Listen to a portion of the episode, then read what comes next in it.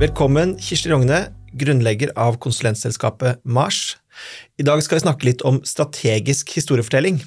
For mange så kan jo det høres ut som litt eh, manipulasjon og løgn, men er det det vi skal bli flinkere til? Eh, nei, det er ikke det vi skal bli flinkere til. Eh, men det er jo et veldig potent virkemiddel. Historiefortelling er jo noe som påvirker oss. Vi vet at det påvirker oss mer enn det å bli presentert med harde fakta. Og det er jo eh, det i oss mennesker som gjør oss sårbare for konspirasjonsteorier og den slags. Det er jo noen av de samme eh, måten hjernen vår fungerer på, som også gjør at vi er glad i historier, og at historier engasjerer oss så mye. Eh, og merkevarebyggere kan og bør være bevisst eh, hvor mye som bor hvor mye potensial som bor i det å la en merkevare få lov til å leve ut en tydelig historie som folk kan bli revet med av.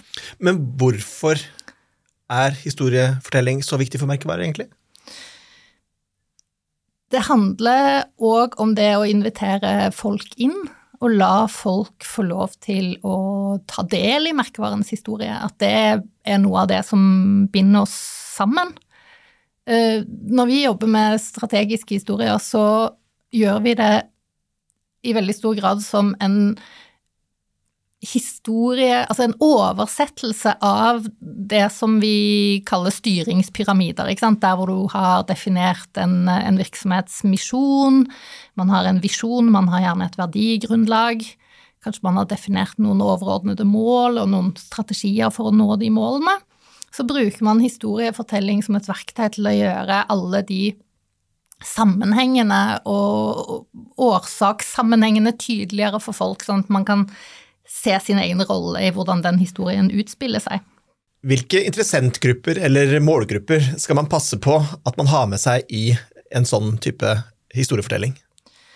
Når vi gjør disse oversettelsene av sånne styringspyramider til det vi kaller strategiske narrativ, eller strategiske historier, så bruker vi Eller vi er inspirert av et rammeverk som Ty Montague presenterte i Han hadde en eh, bok som han skrev om story doing, og der handlet det om å definere en tydelig ramme for, de, for alt det som merkevaren gjør, mer enn for kommunikasjon.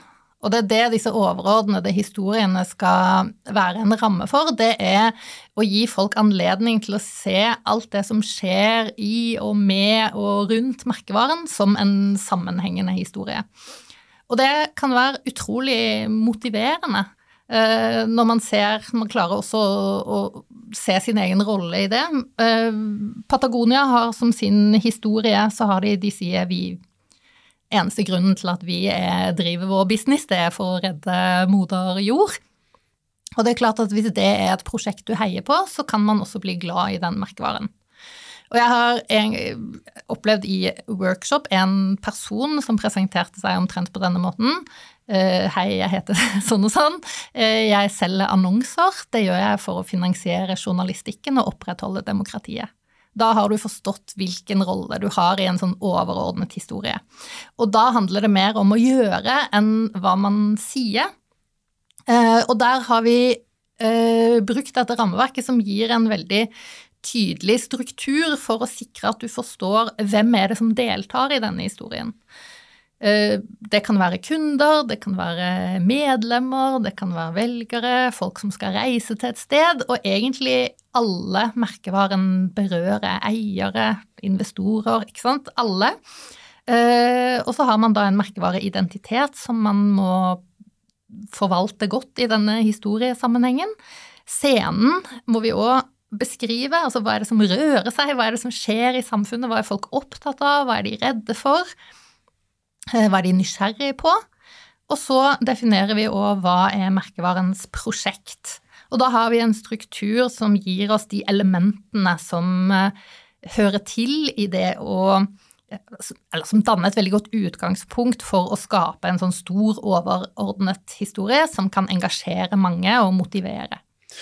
Men hvordan blir man egentlig en eh, god historieforteller?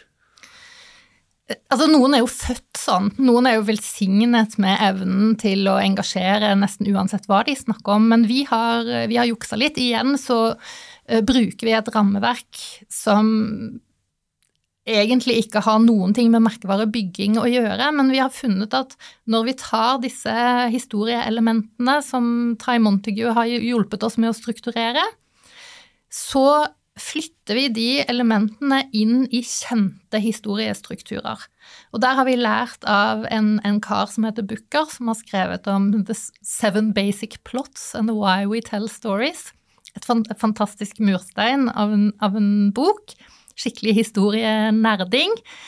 Eh, og han har lært oss at en del historiestrukturer går igjen. Disse syv strukturene de går igjen, og de fortelles og gjenfortelles på uendelig antall uh, variasjoner. Men uansett så kjenner vi de igjen, for de har noen faste elementer. Og det å da kunne bruke de strukturene til å fortelle en sånn historie, sånn at det blir lettere for folk å ha forventninger til hva, hva skjer nå, hva er det neste som skjer, Eh, eksempel så kjenner vi intuitivt forskjellen på en historie som handler om å overvinne et monster, eller en historie som handler om å ta på seg et oppdrag. Oppdragshistorier for eksempel er fine fordi de har alltid hjelpere. Hvem er hjelperne i vår historie? Så har man en struktur som man kan ta som utgangspunkt når man skal fortelle denne historien. Og du må huske at historien skal fortelles gjennom handling. Så det er hva er det vi vil at folk skal se og beskrive med sine egne ord når de ser hva som skjer med og rundt denne merkevaren som vi søker å, bygge denne historien for. Da er det ikke så viktig akkurat hvilke ord man bruker, men helheten, sånn at folk kan oppleve den som en uh, sammenhengende historie. Så man forvalter merkevarens utvikling da, fra tilbake og fremover i tid på en måte som engasjerer folk. Men hva er som er sammenhengen mellom en strategisk historie og kommunikasjon eh, for øvrig? For da går man jo egentlig litt fra, litt fra teori til eh, praksis. Ja, eh, og det er jo Selv om disse historiene er laget for å observeres, ikke kommuniseres gjennom ord, så er det jo et veldig godt utgangspunkt for det å kunne skape kommunikasjon. For hvis vi vet hvilken historie vi vil at folk skal oppleve, så kan vi gi den historien noen tema som viser at den historien er sann. Og så kan vi sette noen mål for hva vi vil at folk skal forstå om vår merkevare. Og når vi har satt noen mål for hva, hvilke deler av historien er det viktig for oss at ulike interessentgrupper kanskje ser, så kan vi sette mål om hvordan vi kan nå de med hvilke budskap. Og da må vi se, i og med at dette skal være så tett knytta opp mot handling, så må vi se ok, vi har lyst til å snakke om disse tingene. Hva er det vi gjør som gir oss lisens til å snakke om dette? Nå er det mange som har lyst til å snakke om eh, mangfold og inkludering, f.eks. Og da blir vårt spørsmål ja, hva gjør du som gir deg lisens til å snakke om det?